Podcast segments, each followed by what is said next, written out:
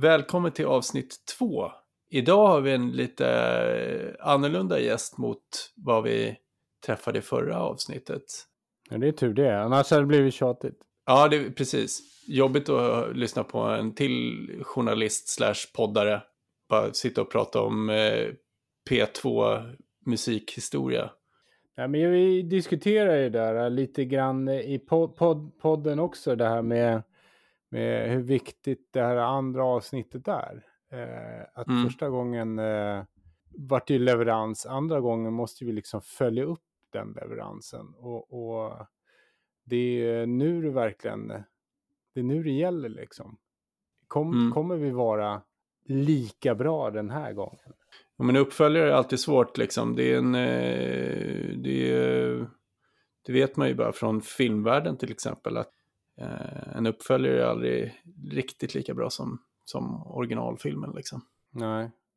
Lilla Jönssonligan var ju, första filmen var ju toppen.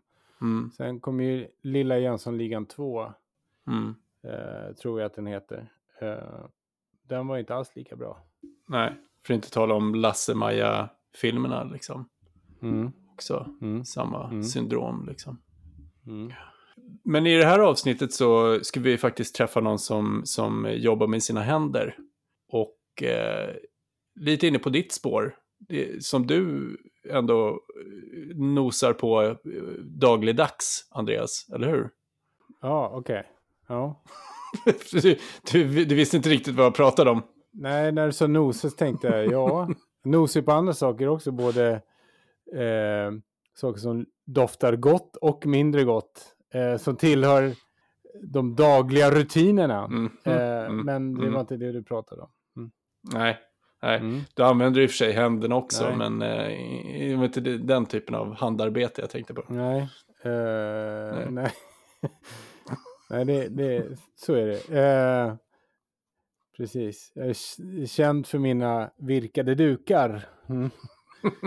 precis. Exakt. Nej, men ja, precis. Så är det. Han, det. Det här är ju en, eh, en riktig konstnär, skulle man kunna säga. Faktiskt. Ja, precis. Men, men det, det, jag tr- tror inte vi ska hålla det någon hemlighet så här, särskilt mycket längre. För att eh, det här introt kommer att vara ganska kort. Eh, eller behövas vara lite kortare för att vi har ganska mycket material som, som vi ändå vill delge. Eh, vi vill ju inte klippa ner vår intervju alldeles för mycket, helt enkelt. Dagens gäst heter Ola Skogäng och är eh, illustratör och författare.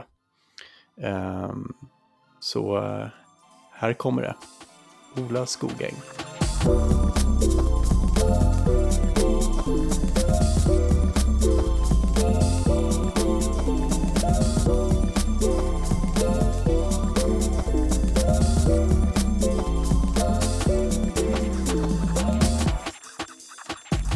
Men vi kan ju börja så här och säga välkommen Ola till Från suck till succé. Ah, nu fattar jag. För jag, jag Ja. när jag åkte hit Ja. så trodde jag att det hette Från succé till suck. Och det kändes Mm. lite nedvärderande sådär. Men jag tänkte att Ja. Jag späker mig. Det kanske gör det efter det här avsnittet. Ja. kanske... Ja, ja. Det där kan ju gå åt båda hållen på något sätt. Eh, Och tillbaka igen.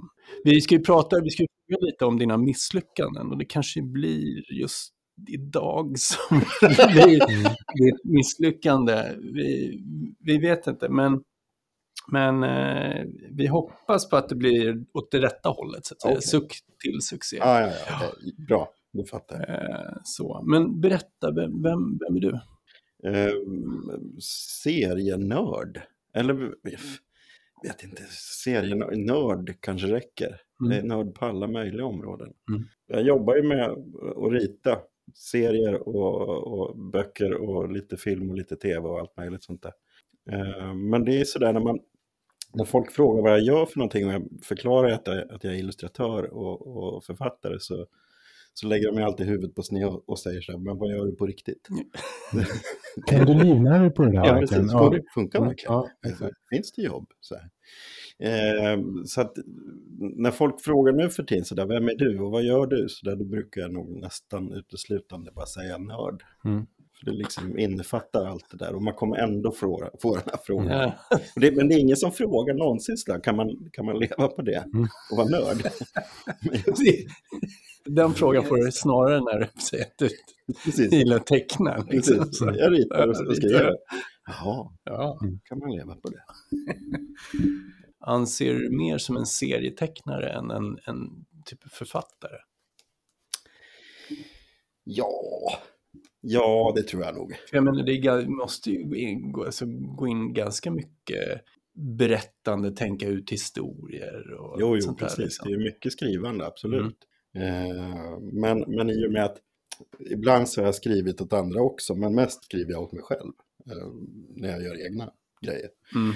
Men jag ritar ju ganska mycket på beställning från, från andra företag och sådär. Så att då är jag är väl mer en illustratör kanske. Och sen några månader per år skriver jag böcker, Böcker. också. Ja.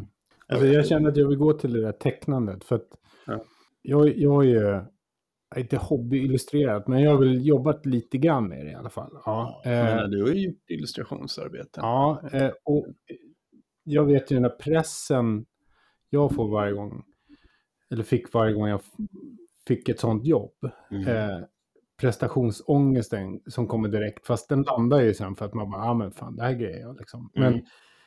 tänk dig den ångesten upphöjt till 10. Eftersom vi har ju det här lilla formspråket med våran podd, att på Instagram så har ju varje gäst, det är min tanke i alla fall, att jag ska por- porträttera dem. Mm. Och nu skulle jag ju rita av dig. Ja, Och så googlade jag dig, för att jag aldrig träffat dig. ja. Och så hittade jag bara massa fantastiska liksom, teckningar. så var så här, man bara så här, började krypa ihop sitt skal. Som bara, ja men där var några riktiga bilder på honom. Okej, ja men jag testar och så ser. Och så vart det ju typ, ja jag bollade ju några korv med dig. Ja, visst, Mm. absolut. Och så till, till slut så landade vi i någonting som, okej, du, du ska få se sen. ja. Och, så, och, och vi, har, ju- vi har ju skickat den då till vår gemensamma vän Tobbe, Ja. som bör nämnas här också, för att det är på så sätt som eh, du faktiskt är här idag. ja. Eh, så vi skickade jag faktiskt över den här bilden till honom. Och han skickar bara tillbaka glimrande till oss. Så att vi får se vad, vad du tycker, känner vi. när vi Min fråga nu då, jag, jag tänkte nu frångick jag, vi har- hade ju vårt manus, men det sket jag ju direkt. Men, Oj, men ja, den här ång, alltså prestationsångesten, infinner sig den fortfarande eller kan du luta dig tillbaka i din profession på något sätt? För du har ju hållit på med det här länge. Ehm, nej, alltså sist jag hade prestationsångest var 2012 eller 2013. Då, då, då hade jag senast. Men annars är det aldrig. Det Nej. dyker inte upp längre. Det, det har blivit en sån där bara, det är egentligen bara att sätta sig ner och köra. Mm. Och det spelar egentligen ingen större roll om man har en bra eller dålig dag. Det är, liksom, det är bara att jobba. Det är som Stephen King säger att han oavsett vad han är på för humör Mm. så sätter han sig och skriver si och så många timmar. Eh, och att det är bara att göra. För att Mm. antingen, det kan bli bra eller så blir det dåligt, men det, det tar man sen i, i, i klippningen liksom, Mm. och, och skriver, omskrivning och sånt där. Eh, så det är alltid bara att köra. Mm. Och sen har jag väl landat någonstans i att eh, om man tänker då, speciellt med tecknandet, så är det ju, det är ju bara linjer på ett papper. Det, ju, det spelar ingen roll vilket jobb jag gör eller vad jag ritar, det är bara linjer på pappret. Så det är bara att trycka dit de där linjerna så är det klart. sen. Mm. Så det är, Precis, sen så landar man ju, jag menar, det, folk som vänder sig till dig, de vet ju vad de får. För Ja. de, de, de liksom, ja, du har ju ditt språk liksom, och, och din stil. Och sen så, så där är man ju bekväm. Men jag kan känna ändå liksom att det där kommer. Det kommer, det är kanske mer jag. Jag vet inte, men jag, men jag kan känna det fortfarande. Jag har fortfarande så här frågor om att göra sådana här grejer ibland. Då känner man Mm. så här, jobbigt. Jag tror det är mer så här känslan att de inte kommer att tycka att det är bra kanske. Det, det talar mer om mig än om, om det jag gör kanske. Men, ja, men det, jag, jag vet inte vad jag Mm. skulle komma med den här frågan. Så jag backar. men jag, Ja. jag, den, det är en Mm. jättespännande Ja. fråga. Eh, för det är någonting som drabbar väldigt många som jobbar med kreativa Mm. eh, grejer så här. Eh, men jag tror att jag är väldigt, eh, och har blivit väldigt bra på att bara släppa. Mm. Eh, det är samma när jag gör samarbeten. Ja. om jag skriver ett manus som någon annan ska illustrera Jag bryr mig inte mycket alls Nej. i hur det ser ut. Utan det, är, det är deras jobb. Mm. Mitt jobb är klart.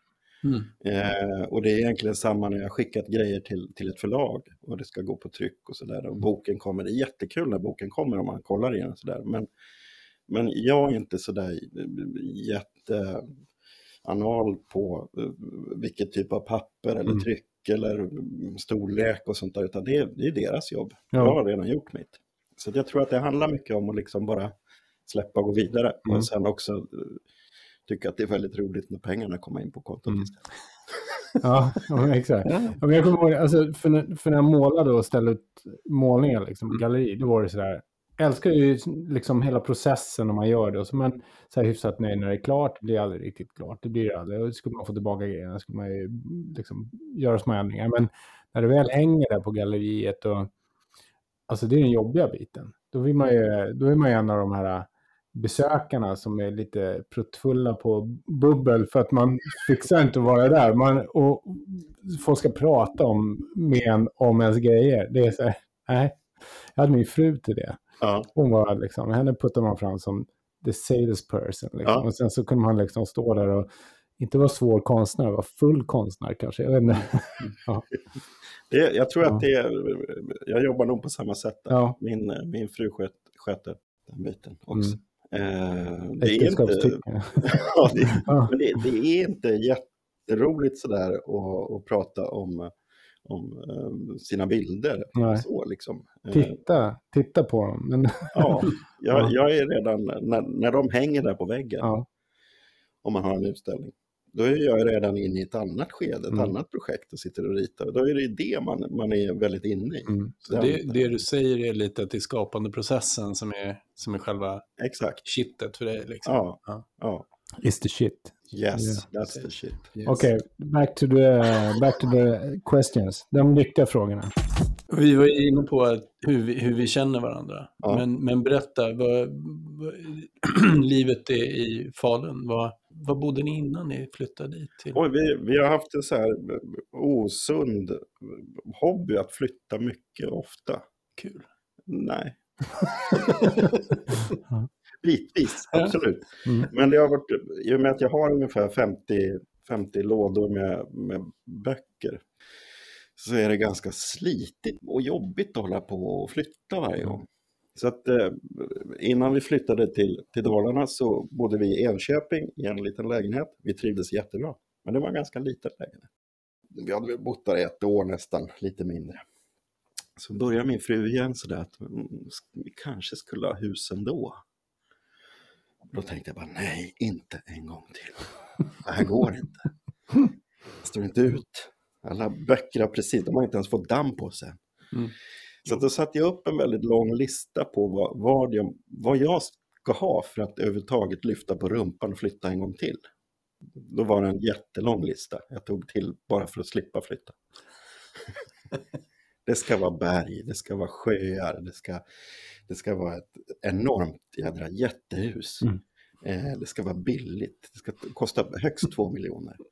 Eh, det ska finnas, jag ska ha en egen bio, jag ska ha en biljardsalong. Jag ska ha ett galleri så jag kan visa grejer, jag har en liten butik och sånt där.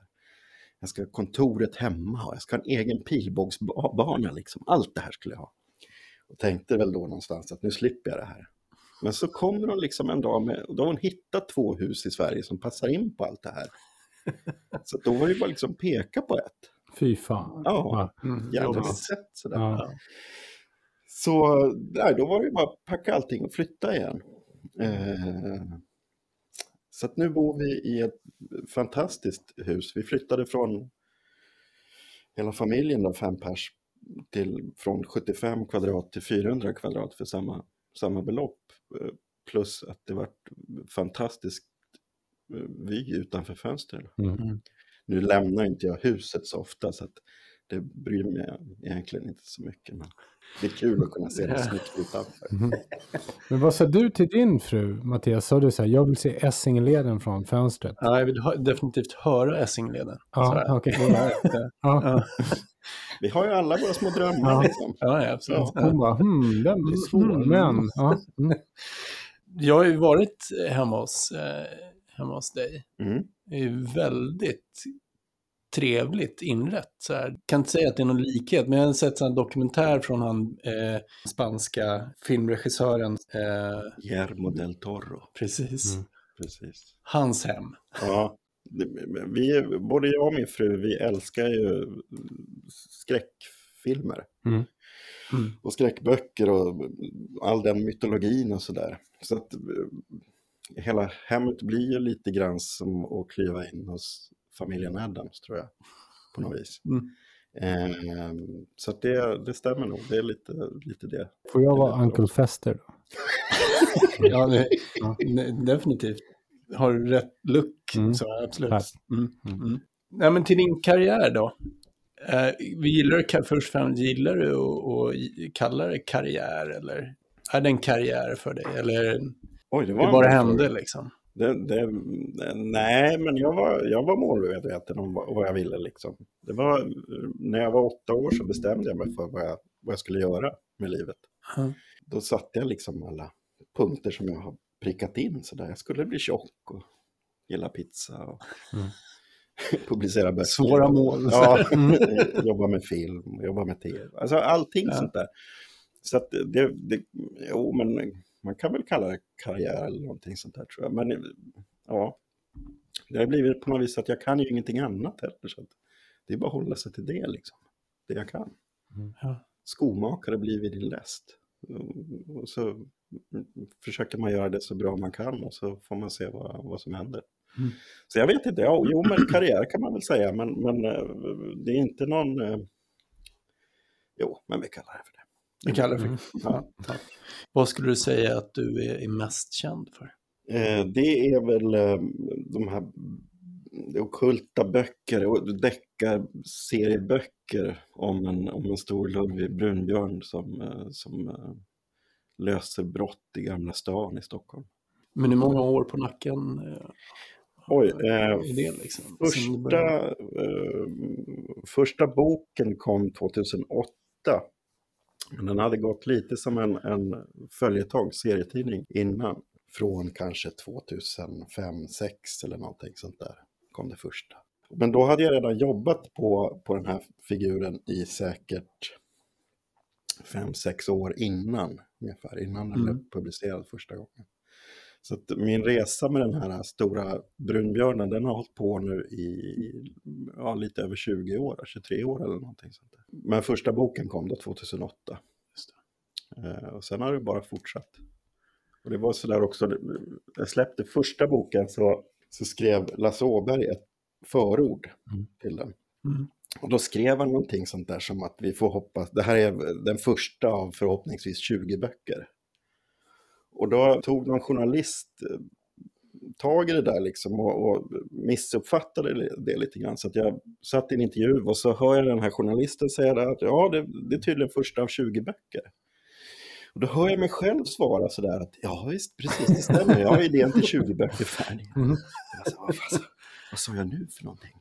Så att efteråt har det bara varit att liksom hålla sig till den där myten som Mm. bildades då redan i första Så det är någon jävla journalist som har tvingat dig att vara konsekvent. Ja, det. precis. Så att, nu Ja. håller jag på med bok nummer, eh, om det är nummer nio eller någonting Mm. sånt där, eh, av 20 då. Så, Ja. Och nu har jag ju kartlagt då 20 böcker. Ja, Så det att är det- så så det blir- ja. mm. Så att det finns, eh, slutet är färdigt och sådär. Mm. Eh, men eh, ja, det var inte riktigt tänkt så från början. Men, men eh, det funkar väl. Det är väl kul. Ja, ja, ja. Hur kommer det sig att eh, Lasse Åberg uttalar sig? Vad, hur, vad är din relation till Lasse Nej, men eh, vi bodde i, i grannbyarna med varandra, eller vad man ska säga, Bålsta och Enköping. Mm. Eh, och så är det ju sådär att både han och jag är nördar som tycker om leksaker och serietidningar och sånt där. Så då börjar man latcha med varandra. Och så lärde vi känna varandra och vi gjorde något eh, dataspel på Trasan och Bananer ganska tidigt, ihop, sådär 90-tal. Och sen så halkade jag in på ett par av Stig Helmer-filmerna och var med där och jobbade. Och, och så liksom har det bara plöjt vidare. Och sen då när det var dags för Lasse att att bygga upp sitt museum med sin konstsamling och Musse Pigg-samling och sånt där, Mm. då hakade jag på på den resan också. Right. Så det har varit lite sådana där grejer. Spännande. Mm. Mm. Lasse Åberg är ändå en av Sveriges ikoner på något sätt inom film och... och... Absolut. Man brukar väl säga det att av de tio mest framgångsrika svenska filmerna så har han Mm. gjort fem eller sex stycken Mm. utav dem. Tror jag. Ja, det är galet. Alltså.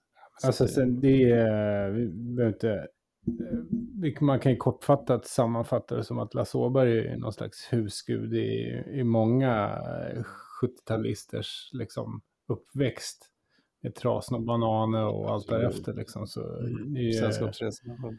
Ja, precis. Ehm, eh, Ja, det är min, min äldste sons husgud också. Liksom, ja Ja, mycket av det han gjorde i gymnasiet liksom, var influerat av liksom, Lasse Åberg i början. Så här, nu ska vi göra ett fanzine. Okej, men du gjorde han ett Trasan och bananer fanzine. Liksom. Ja, du vet, så, så, ja, du vet så, allting hade någonting med Lasse Åberg att göra. Hela första läsåret tror jag. Det är ganska gud intressant. vad roligt. Gud Ja. vad roligt. Men ehm, berätta lite om ehm, hur du tog dig hit där du är idag. Liksom. Vad, hur... ehm, Tunnelbana. Ja, tunnelbana, tåg, Ja, buss, Ja, Mm. kul. ehm, sådana grejer. Ja, Det var kallt också. det var kallt. Mm. Och så svårt att hitta adressen. Precis, Så. när man kommer från, Ja. från Mm. Dalarna. Ja, ja. ja, precis. Nej, men ehm, hur, hur började själva serietecknandet? Eller eh, själva tecknandet? Hur banade du väg? Och jag vet att du också berättat för mig tidigare den här historien om, om, eh, om Hollywood och, och missade chanser och, och lite sådana här saker. Så. Ja, ja. Ja. Nej, det kan inte stämma. ja, men alltså, jag har väl alltid haft tecknandet. Det har jag ju alltid Mm. haft där. Mm. Och jag började rita redan innan jag började prata och sådär. Så att jag har alltid, alltid haft pennan med mig. Sådär. Right. Eh, sen hade jag en otroligt förstående mor när jag växte upp sådär som, som lät mig ibland stanna hemma från skolan för att få rita istället för att gå till skolan. Och och hon visste ju vad det handlade om, att det var inte så att herr Skogäng hade ont i magen den dagen, utan det var att han ville rita. Så till sist så insåg man väl att vi låter honom rita istället. Så att jag hade ganska bra stöd sådär från, från min familj med det här med Mm. tecknandet och så. Så att det, det har alltid funnits där, ritandet. Och sen, eh, sen vet jag inte, det var liksom bara att harva på, kämpa på med det där. Eh, hamnade i reklambranschen och det var först då som jag började lära mig om hur man berättar med bilder. Att det, det handlar inte om att rita stålis som ser cool ut liksom, utan man måste ha någonting att säga också. Och, och det där liksom, där började det hända saker. Mm. Mm. Eh, och under hela, hela sådär tidig 20-årsåldern så skickade jag grejer till olika förlag, så där, både i Sverige och, och, och i USA. Marvel och DC och alla de där. Eh, och till sist så fick jag napp ifrån eh, Marvel Comics. Mm. Att, eh, kan du inte komma hit och vi vill kika på dina grejer och prata lite med dig. Så då, då åkte jag över dit och så eh, hade vi ett sånt möte. Eh, fick lite manus med mig hem som jag skulle provrita på. Fantastiskt. Jag har ju alltid varit en, en superhjältenörd. Mm. Så det var ju en enorm Vilken chans, liksom. Ja, ja. Vad- vad- vilken är favoriten då av alla de här Marvel? Alltså, vilken var favoriten när du växte upp? ja, det, är- det är samma som är nu egentligen. Det Ja. var ju inte alls Marvel utan det var ju DC egentligen. Det, det var ju Superman och Batman Mm. som var de stora. Ja, men de var liksom så här, det var mina stabila go-tos, men jag, Daredevil var ju en, alltså ja, absolut. äh, serietidningsform var ju det, det var liksom det första mörka som kom egentligen. Så Ja. Det var min favorit, det, det Ja. minns jag. Det var liksom, sen filmatiserades det asdåligt, men det var liksom jävligt coolt med blind advokat som... Ja, men den, den, den, var, ja, den var jättebra Mm. tycker jag. Eh, sen hjälpte det såklart med att Frank Miller klev in och gjorde en, en fantastiskt bra story Mm. som var ganska hårdkokt sådär också. Så det Mm. fanns ju mycket bra där. Eh, Fantastic Four var ju jätteskoj liksom när de var som bäst tyckte jag. Mm. Eh, men det var alltid som, som du säger sådär att Stålis och Batman var de här stabila Mm. som kunde falla tillbaka på hela tiden. De var alltid samma på något vis. Nu är de ju inte riktigt samma när man kollar in i, i serier hur de är idag. Jag känner inte riktigt igen mig. Eh, och, och tittar man på filmerna som kommer idag så är det inte alltid jag känner mig igen mina hjältar heller. Sådär. Mm. Men eh, ja, det var, det var det som var det stora Mm, för mig. mm. Sådär. Så att få komma till, till Marvel, det var ju liksom en, en dröm. Det var ju fantastiskt. Eh, jättekul. På den resan så var jag också till ett, eh, en stor reklamfirma i Texas och hälsade på. Visa upp grejer. Eh, och det visste jag inte innan sådär, men när, jag, precis när jag skulle in på mötet, bara typ 30 sekunder innan jag kliver in på mötet, så bluddrar hon ur sig som hade hand om mig när jag kom dit. Då. Säger att ja, en av våra chefer är med här. Han, han har gjort ett par små filmer som du säkert känner till som heter Star Wars. Han heter George Lucas. Och då blev jag alldeles så här, bara, va? Och så blev jag samtidigt så tacksam också över att hon valde att säga det precis bara 30 sekunder innan Mm. kliver in, som att det inte är någonting. Du bara, tjena Jojje! Ja, precis. Läget. Exakt. Nej, så det var jätteskönt, för jag hann inte jaga upp mig riktigt inför det här mötet. Mm. Hade jag vetat det innan jag åkte till USA, då hade jag ju gått och varit supernervös. Liksom. Ja, ha blöja på den. Ja, precis. Ja. precis. Vilken stormtruppdräkt ska jag ta på mig? Inte Så gjorde kunna andas. Gjort en egen av äggkartonger och, och gaffatejp. Exakt. Liksom. Ja. Nej, så det, det, var, det var en otrolig resa. Fantastiskt. Eh, dels få, få besöka Marvel och sen träffa en av husgudarna, Lucas. Liksom. ja, det kan jag tänka mig. Ja. Häftigt, häftigt. Sen blev ju den, den resan blev ju lite som den här podden. Fast bakvänt då. Ja. Det började med en succé liksom Ja. och bara få komma dit. Men sen var det en suck bara, det hände ingenting. Mm. Eh, någonstans när jag kom hem till Sverige så jag var bara, vad kan jag ha varit? Ah, 22, 23, 24, där kring någonting Mm. sånt. Och eh, otroligt svensk, försynt liten gosse eh, som inte hade breakat än. Eh, så att jag satt ju liksom hemma i min ateljé och bara väntade på att de skulle höra av sig. Mm. Men det funkar ju inte så i USA. Här i Sverige, då ringer man ju upp sådär och ja, vad säger ni om våra grejer, mina grejer sådär. Och så säger de, ja men vi återkommer. Okej, så får man snällt vänta liksom på sin tur. ja. Men där blir det så här, om man inte hör av sig, men då, då uppfattar de ju som att man inte är intresserad. Ja, precis. Mm. Det spelar ingen roll. Nej. Nej. Så det, det hände liksom ingenting, det blev inget. De sitter där fortfarande och undrar, vem började han jobba för istället? precis. Eller så är det jag som fortfarande sitter här och bara väntar. Ja, Exakt. Ska vi inte ringa snart? Ja, intressant, intressant. Ja. Eh, kan inte jag få ta den här? Det här är Ja, den ja, viktigaste av alla frågor. Vi har ju förberett frågor idag, så vi måste förhålla oss Vil- till det. vilken är din favoritfärg? grann. Ja, ja nästan. nästan. Okej. Är du höger eller vänsterhänt? Höger. Mm. Är det så alltså? Ja. Det går, det funkar ändå? Ja, ja. ja, det går hyfsat bra. ja. Vi, vi har ju en utav varje som sitter mitt emot dig här. Mm. Okej. Ja, Ja. så att, eh, Jag har ju två söner också som är vänsterhänta, så vi är tre vänsterhänta. Okej. Eh, bara två av dem är genier. Eh, den tredje tittar du på just nu.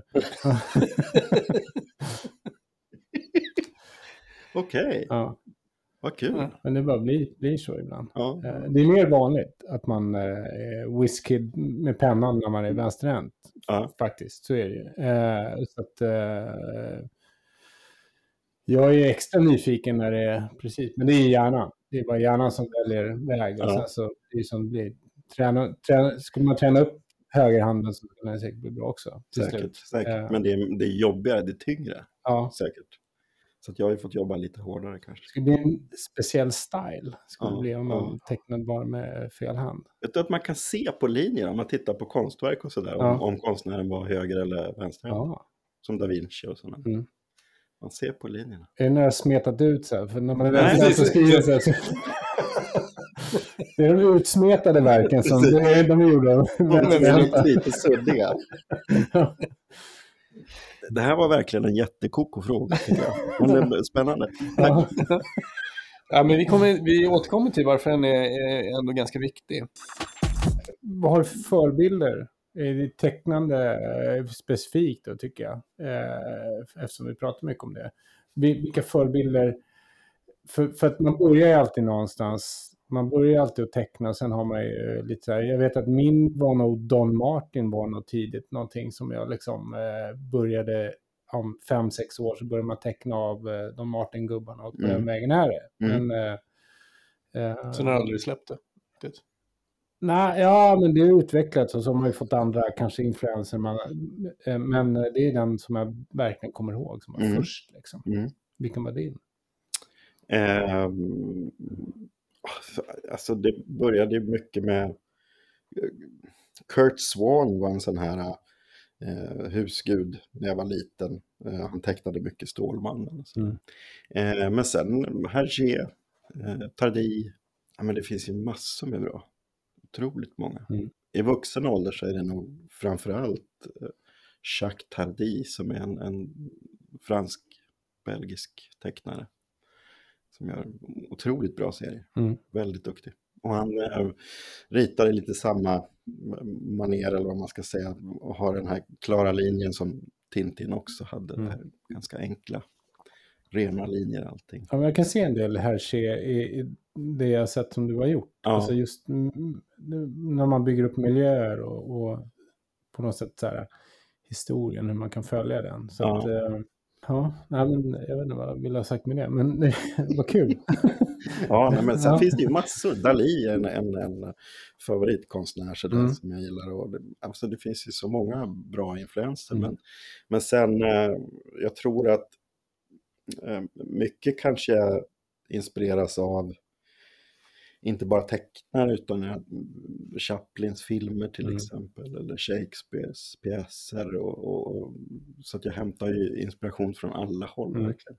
Det började egentligen så här, te- Theo-böckerna med att jag tog eh, Hergé och det som var populärt då när jag började skriva, nämligen Arkivex. Mm.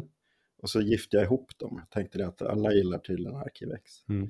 Eh, och, och alla har någon koppling till Tintin. Mm. Ja, men då, då tar jag dem och så smetar jag ihop det liksom, och så ser vi vad det blir. Eh, och det var först då som det liksom gick från en suck till en succé. Mm. Det hände någonting. Eh, Då fick vi in det också. Ja, det är bra. Ja. Mm, mm, Mm. mm. nej, så att här är väl det, den som jag har fått mycket, Mm. och har mycket att tacka för på det Mm. viset. Liksom. Men har du något misslyckande då? Som du skulle... Nej, Nej, jag har bara lyckats. Bra, eh, tack. Vi är klara. Jo, det är klart jag har det. Ja. Ja, massor.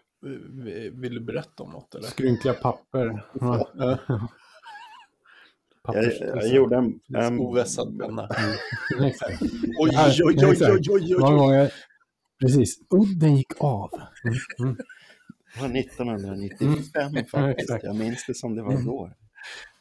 Eh, jag gjorde en bok tillsammans med en kollega som hette, eh, kollegan hette inte, men boken hette Döda rummet. Och den höll på att bli min, mitt slut i branschen. Det var min suck. Okej. Det var fruktansvärt. Det var ett år av mitt liv som jag inte får tillbaka. För att vi hade ingen riktig kärna i berättelsen. Vi hade väldigt kul när vi gjorde den, absolut. Jätteroligt. Men när man gör en bok, då ska man ju ha någonting att säga också. När man gör en story, liksom. Annars blir det väldigt segt att sitta i ett år och jobba Mm, på mm. ett projekt när man inte känner att man riktigt har någonting vettigt att säga ur. Det är det jag och Mattias gör just nu. Eh, Exakt. Ja. Eh, men vi, vi tänker att eh, vi, vi vill ju ha det där eh, året så, så, vi kan, så vi kan sitta och prata om det sen. Precis. Nästa år. Ja. Ja. Kommer du ihåg året då vi gjorde den där podden? Fy vilken suck det var. Precis. Det var ett bra försök. Ja, Mm. men eh, så att den, den eh, Ja. Den gör ont när du tänker efter. ja, Ja. bildmässigt eh, var det, vi hade jätteroligt. Absolut. Eh, En god vän och jag som gjorde det och väldigt kul. Mm. Men eh, tyvärr så gick det lite för hastigt i skrivandet och sådär. Men var, var det här någonting ni publicerade? Ja, ja. så det Absolut. finns att, att få ta på alltså? Ja, ja. ja sjutton. Eh, Till alla Olas fans där ute då. Ja, Precis. precis. Jag fick en... Jag har överlag fått väldigt bra recensioner, men till den boken då fick jag en recension där rubriken var Förlåt, men varför? Och jag tyckte det var så fantastiskt den här recensionen. Det är bra var att den- verkligen... Bra att ursäkta sig innan man ställer den där kritiska bedömandet. Ja, Där- ställer jag mig själv varje, varje morgon när jag vaknar. Just den kombinationen. Förlåt, men varför? ja, ja, och jag tror att det är en bra drivkraft. Ja. Ja. Mm. Jag klippte ut den där. Det är faktiskt en av de få recensionerna som jag har sparat. Så jag klippte ut den och så ramade jag in den och hade ett tag uppe på, på Mm. väggen i, på kontoret. Sådär. Så jag höll med, absolut, med allting sådär. Eh, och tyckte att den var väldigt spot on. Eh, och så blev man lite hungrig efteråt, liksom att nu ska jag visa dem. Mig. Men har det varit någon gång du liksom har gjort någonting som du har varit supernöjd med och stolt över och sen fått en dålig review? Eh, för det, det måste ju också hända. Eh, nej, okej. Måste och måste. Vi går vidare. Mm. Ja. Alltså, jo, eh, jag gjorde en... Det här är ju det här är mitt roligaste jobb tror jag, men också det mest rubbade som jag har gjort. Och jag har en sån här, eh, på något sätt en, en felkoppling i hjärnan som gör att jag tackar ja till grejer som jag borde säga nej till. Mm. Och jag fick en gång frågan om att regissera en, en musikvideo till Electric Banana Band. Och eh, jag är ingen regissör, jag har ingen taktkänsla. Jag är helt fel för det där på alla sätt. Men ändå så sa jag absolut, vad roligt, det gör jag. Och så var det en ganska lång resa så där vi, vi drog igång det där och det, det var en musikvideo som skulle användas bara eh, sådär internt på Åbergs museum som en kul grej. Men, men det växte lite grann. Och en dag så ringer Janne Schaffer och säger du, jag har hittat ett, ett jättekul ställe vi kan spela in på. För det vi behövde bara en inspelningsplats. Ja, vadå? På Nalen i Stockholm. Ja, okej. Med publik. Jaha. Okej. Och sen ringer Universal och säger att du, vi, vill, eh, vi, vi pratar med Janne och han säger att du är en jätteduktig regissör och, och vi ska knuffa in lite pengar i den här videon. Så det blir någonting att ha. Jaha, okej. Spännande. Vem, vem är regissören? Är det, är det jag? Jaha. Men ändå så gör jag det där liksom. Så att eh, en kväll så där i, i mars eh, för många år sedan så står jag liksom på Nalen med massa kameror och ska regissera en musikvideo. Och sen ska jag Med hem och publik. klippa den. Ja, med publik och allting sådär. Och jag ska hem och klippa dessutom. Jag är ingen eh, klippare heller sådär. Jag har ingen aning om vad jag gjorde för någonting. Det var jätteroligt. Det var mitt livs roligaste jobb någonsin. Jag svävade på moln. Men resultatet blev ju fantastiskt dåligt. Jätte, jätte, jättedåligt verkligen. Men jag hade väldigt roligt. Det blev inte så många musikvideos efter det då? Nej, det var faktiskt ingen mer alls. Och, och det var ingen stor lansering med den där låten heller och, och den där, på den där videon och så. Så jag tror att De insåg lite. jag tror att Universal, de, liksom eh, synade, de, de fattade liksom att eh, Mm. Han har upp det. Ja, det var lite överdrivet hela grejen tror jag. Nej, men det, det, det, är, det, det är en bra övergång till nästa fråga då. Vad du skulle ha gjort om du inte gör det du gör idag. Och det är väl eh, det är då film eller musikvideoregissör. som du hade- Eller, eller inte kanske. Nej, men jag hade väl någonstans sådär i, i min ungdom så stod det lite mellan två eller tre grejer. Präst var en, eller munk eller någonting sånt där. Eller, eller serietecknare, eller kock. Och så valde jag sen till sist då serier. Eh, och det var väl tur kanske. Mm. För jag är ingen sådär superduktig kock. Och religiös är jag inte heller. Så att det hade ju också blivit väldigt konstigt. Men, så att det, jag tror att jag valde nog ändå rätt. Förlåt, men varför? Ja. När jag står uppe vid altaret och pratar så här. Ursäkta prästen, Förlåt, men varför? Precis. Så håller bilen bara, förlåt men, alltså, men varför? Ja. Vi har samlats här idag för att ta avsked. Ja, förlåt. Vänta lite. Jag vill alla, jag ser ju att det är en svensk kyrka, en kristen kyrka och så är alla psalmböcker fullt med gubbar. Och så, Någon har ritat det.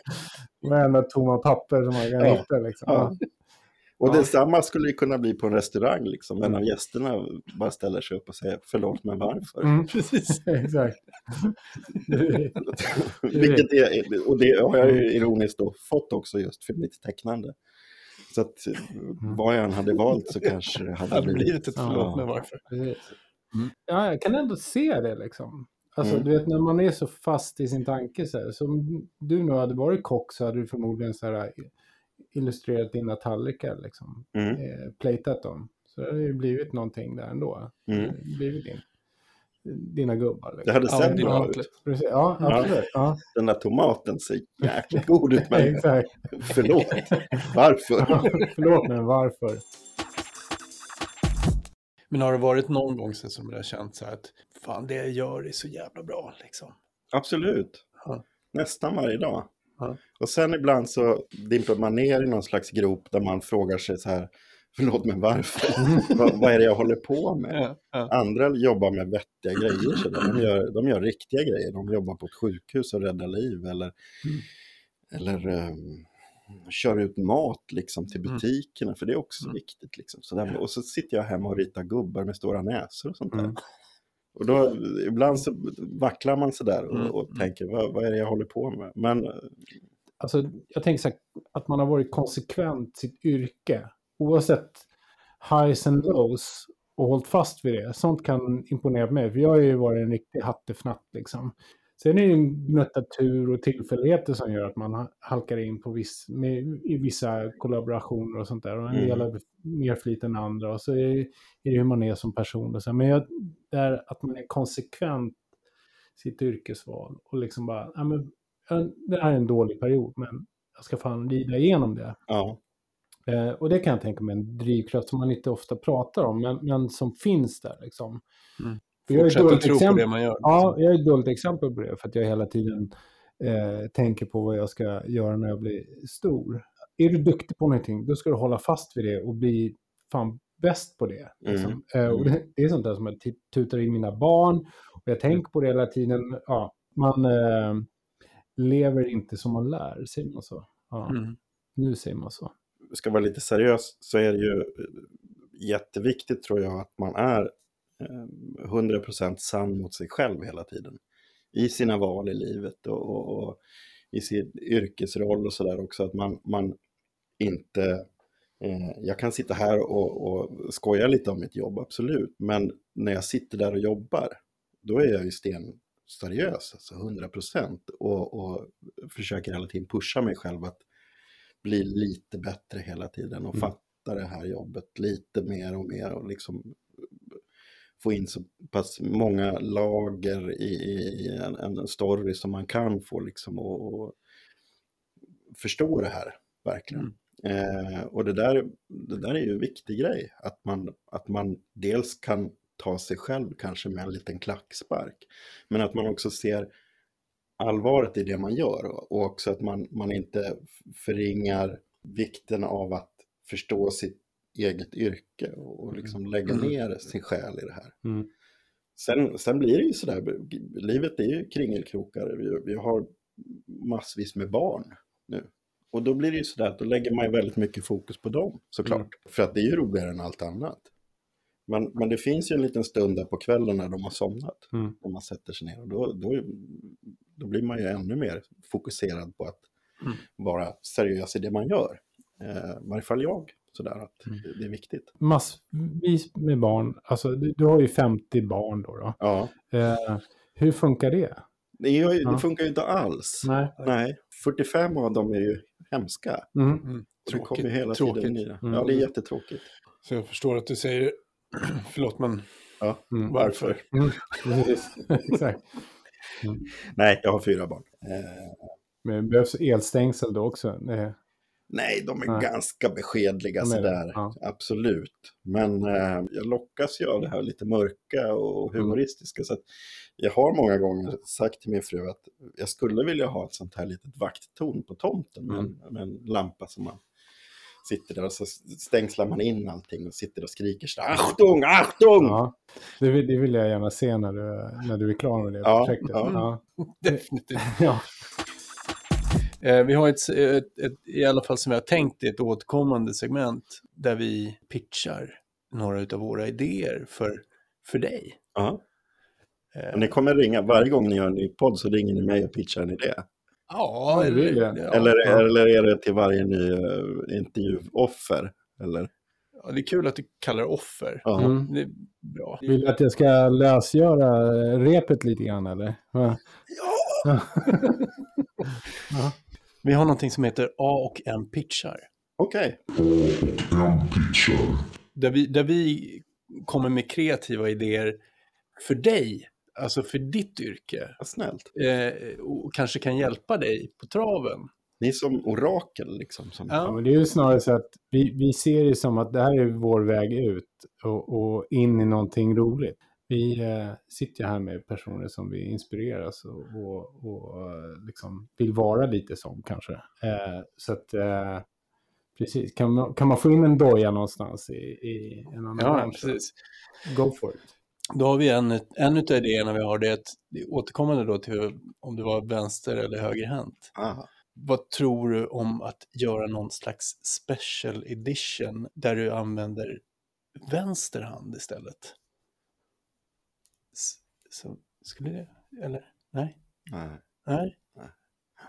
Var kul i alla fall. Du skulle kunna bygga upp två helt olika alltså, eh, fanbases.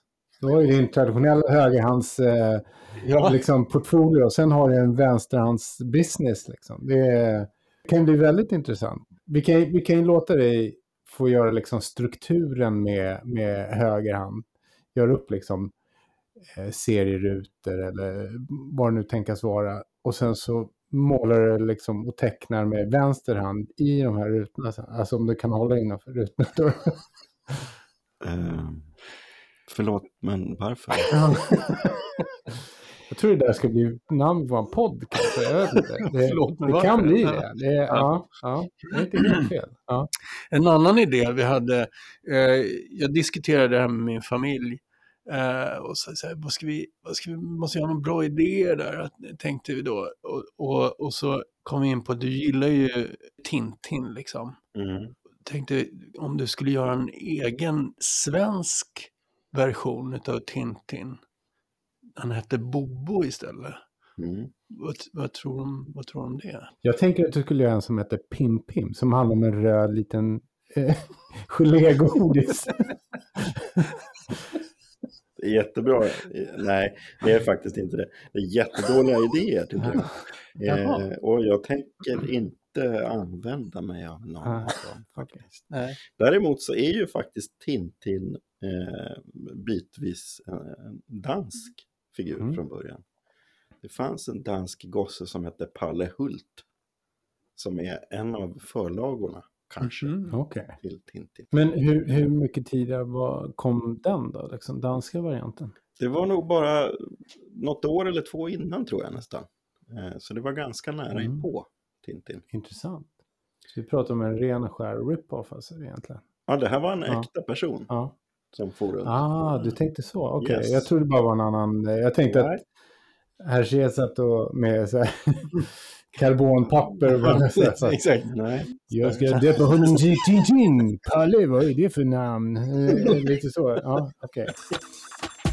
Men jag har, en, jag har en fråga. Ja. Ja. Dina seriealbum, eh, är det någonting som du har gjort, som du har animerat, som du har gjort liksom rörlig Ja, film av?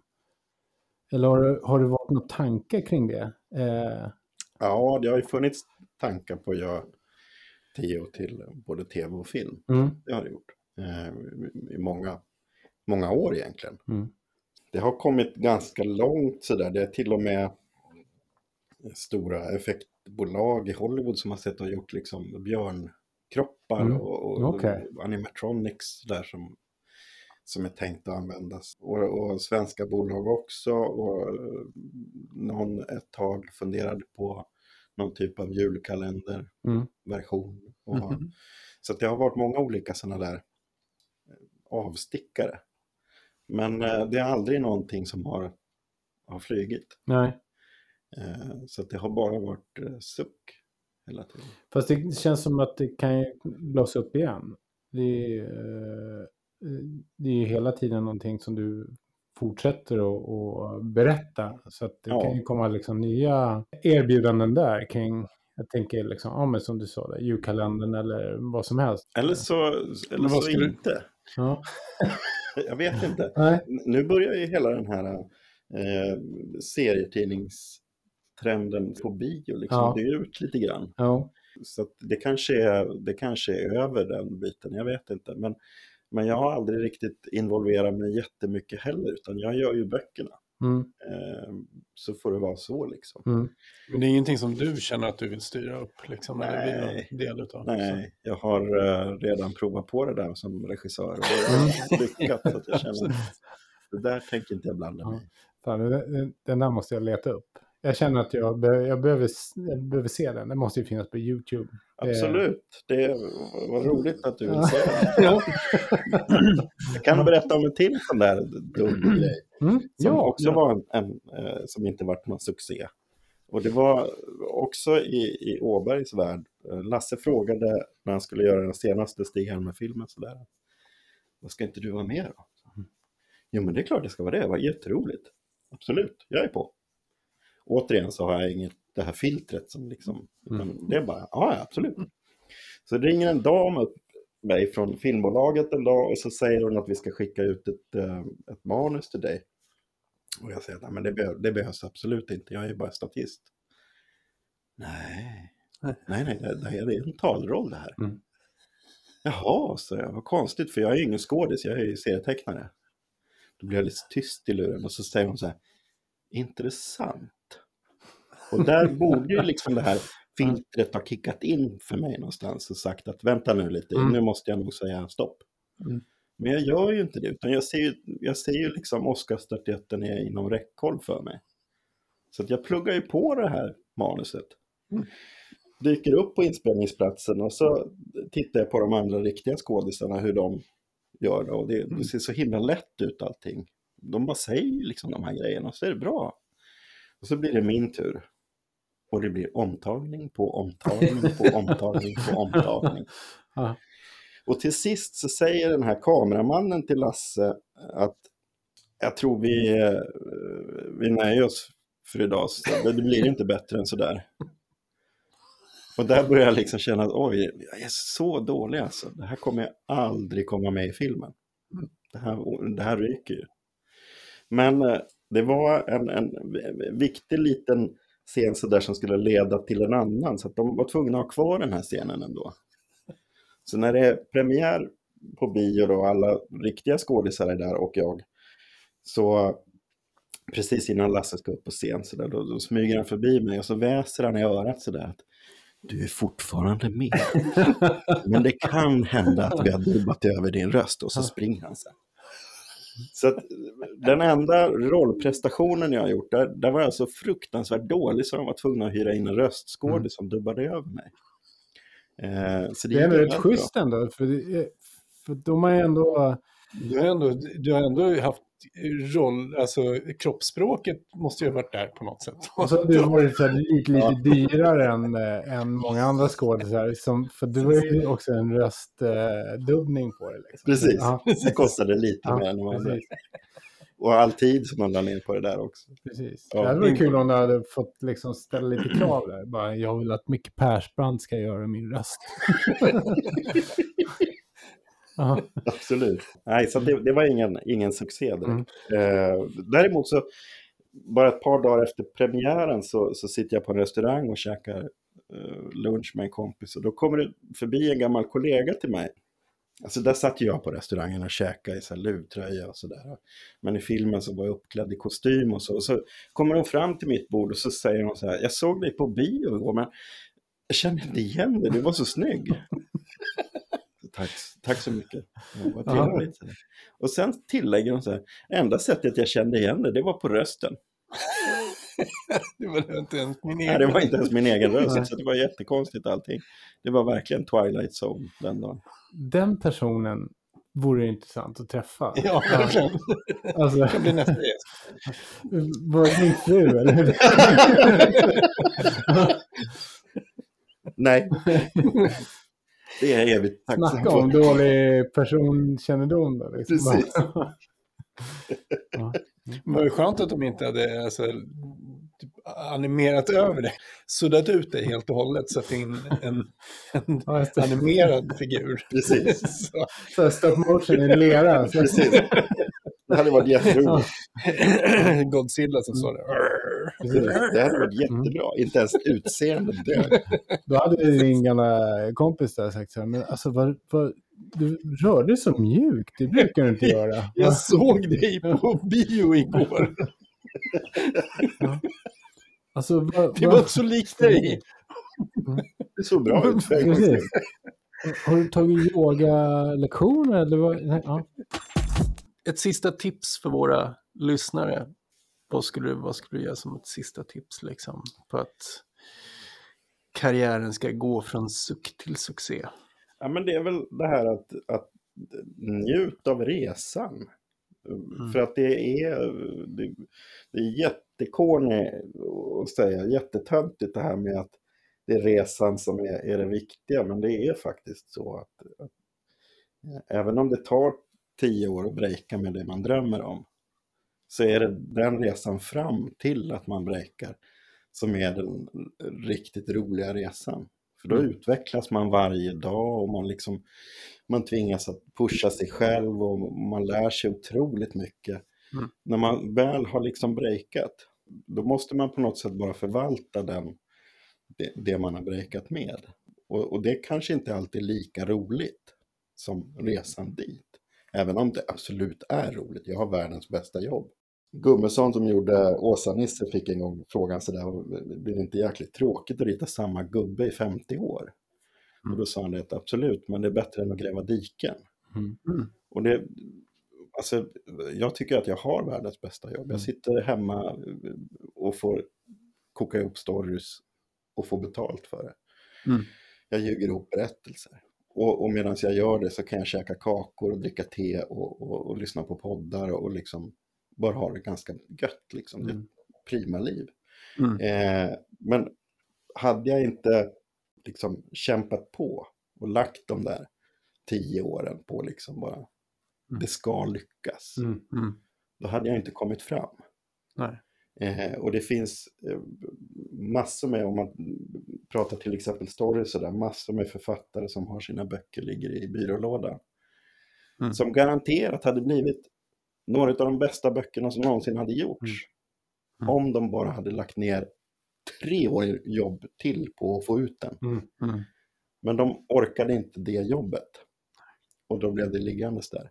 Mm. Så att våga tro på dig själv liksom och, och, och, och kämpa med din dröm. Till sist så, så funkar det.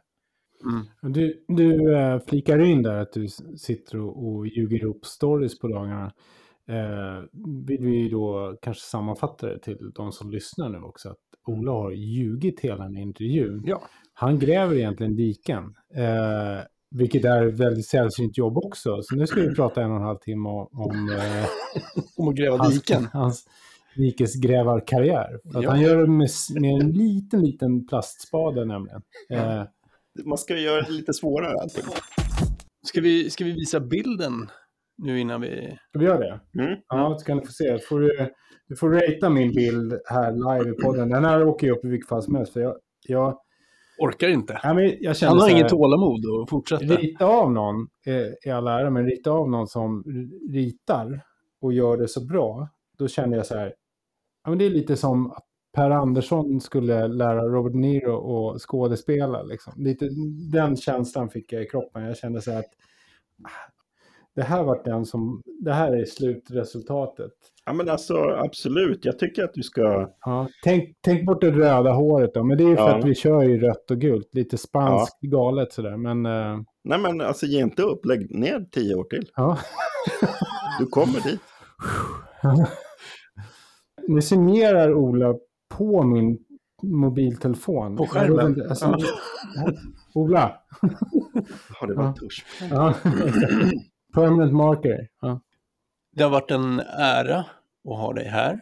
Det var, det var helt okej att vara här faktiskt. Okej, Det är roligt. mm, Ja. trevligt. Men eh, återigen, tack så jätte- jättemycket. Det var, det var, vi har tyckt det varit kul i alla fall. Eh, Även om du kanske har en annan uppfattning. Tack själv. Tack. Jättekul att få vara med.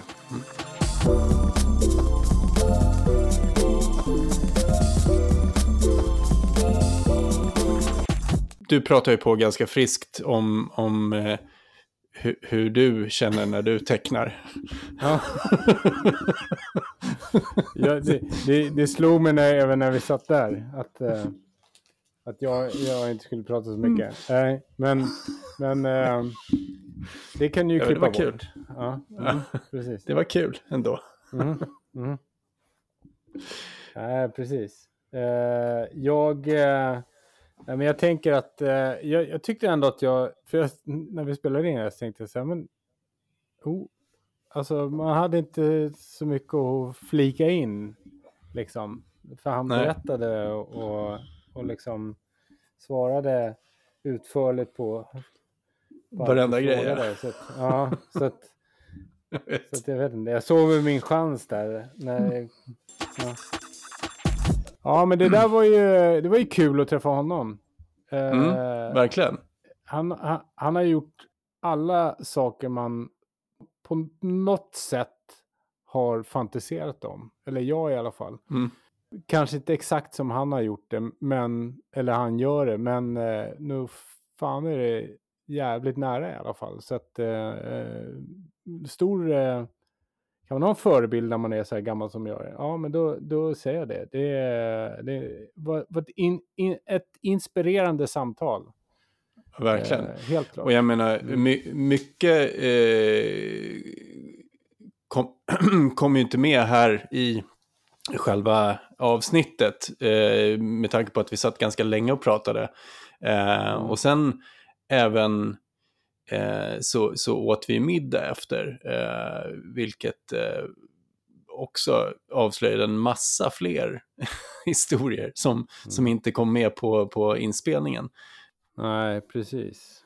Ja, nu är det taskigt att säga det till, till de som lyssnar, men middagssamtalet skulle jag kunna ha blivit ett eh, liksom eh, del två, Ola Skogäng del två. Eh, Verkligen. Ja, det eh, bräckte varandra i konstiga yrkesval och allt möjligt. Så att, eh, ja, han vann där också kan man ju säga. Ja, ja, absolut. Eh, helt klart. Men eh, ja, nej men eh, that's life. Vi, vi får helt enkelt smälta det här och eh, hoppas att våra lyssnare har njutit lika mycket som vi gjorde. Ja. Och eh, ja, det, de, förhoppningsvis kommer de här personerna fortsätta att ploppa upp i våran podd. Eh, olika Ja, yrken, ja, spännande livsöden generellt. Ja, verkligen. Ja, men det är kul, eh, kul när man träffar sådana här personer som liksom är full av historier. Liksom. Ja, men verkligen. Eh, och ytterligare ett bevis på att om du och jag hade suttit och pratat själva eh, utan gäster så hade vi, vi haft zero content. Eh, nu, eh, nu, nu kommer någon folk som- in som faktiskt har levt. Ja, precis, exakt. ja det vill bara gå tillbaka till sin, sin gråa vardag och, och hoppas att vi kan upprepa den här eh, succén. Eh, och, och vad som händer nästa avsnitt det vet inte vi heller. Men Nej, eh, nej. och det vet vi lite grann. Vi har, vi har en hel del spännat folk på gång, helt klart. Definitivt. Eh, Men jag tror att så här, man, man, det, är- det som är bra med podd också, det är att du kan ju faktiskt lyssna på det avsnittet om och om, om igen. Liksom. Så att Mm. man kan ju få uppleva det flera gånger, inte bara en. Eh, Nej, precis. Eh, Ja. och, och, eh, och ni eh, finsmakare kan ju lägga extra vikt vid att lyssna på introt och utrot en Ja. extra gång. Mm. Mm. Ja. Mm. Mm. Ja, Vi hade ju några ord som vi upprepade några gånger i det här avsnittet. Det hade vi säkert förra avsnittet också. Fraser skulle jag säga. Precis. En fras som, eh, som, det kan ju vara så när vi börjar sälja merch sen så kanske det blir eh, att det kommer en keps eller en t-shirt eller någonting. Ja, ja absolut. Eh, den, den, den, ska vi, den tar vi med oss. Eh, Mm. Kanske inte in i nästa avsnitt, men vi kommer ta med oss den. Mm. Eh, en eh, hommage till Ola, helt enkelt. Mm. Mm. Förlåt, men varför? Precis. Ja, vi, vi sa det väl då, vi säger det igen, det är liksom livet personifierat lite grann. Precis. eh, ja, nej men eh, lyssna och nj- njut. Eh, vi eh, fortsätter att eh, lobba för vårt Insta-konto. Det är extremt tråkigt, kan vara en av de tråkigaste Instagram-kontona ever. Men å andra sidan, hur ska man annars veta när nästa avsnitt kommer? Det, är- Nej, det, är, där, det är där all, allt dyker upp liksom.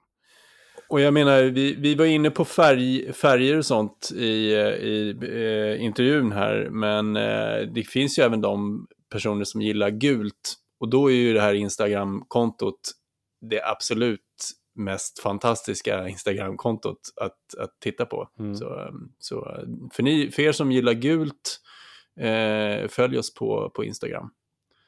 Ja, men tack för idag då. Ja, nej men, eh, absolut. Tack, tack och bock. Eh, vi, vi ses eh, nästa gång.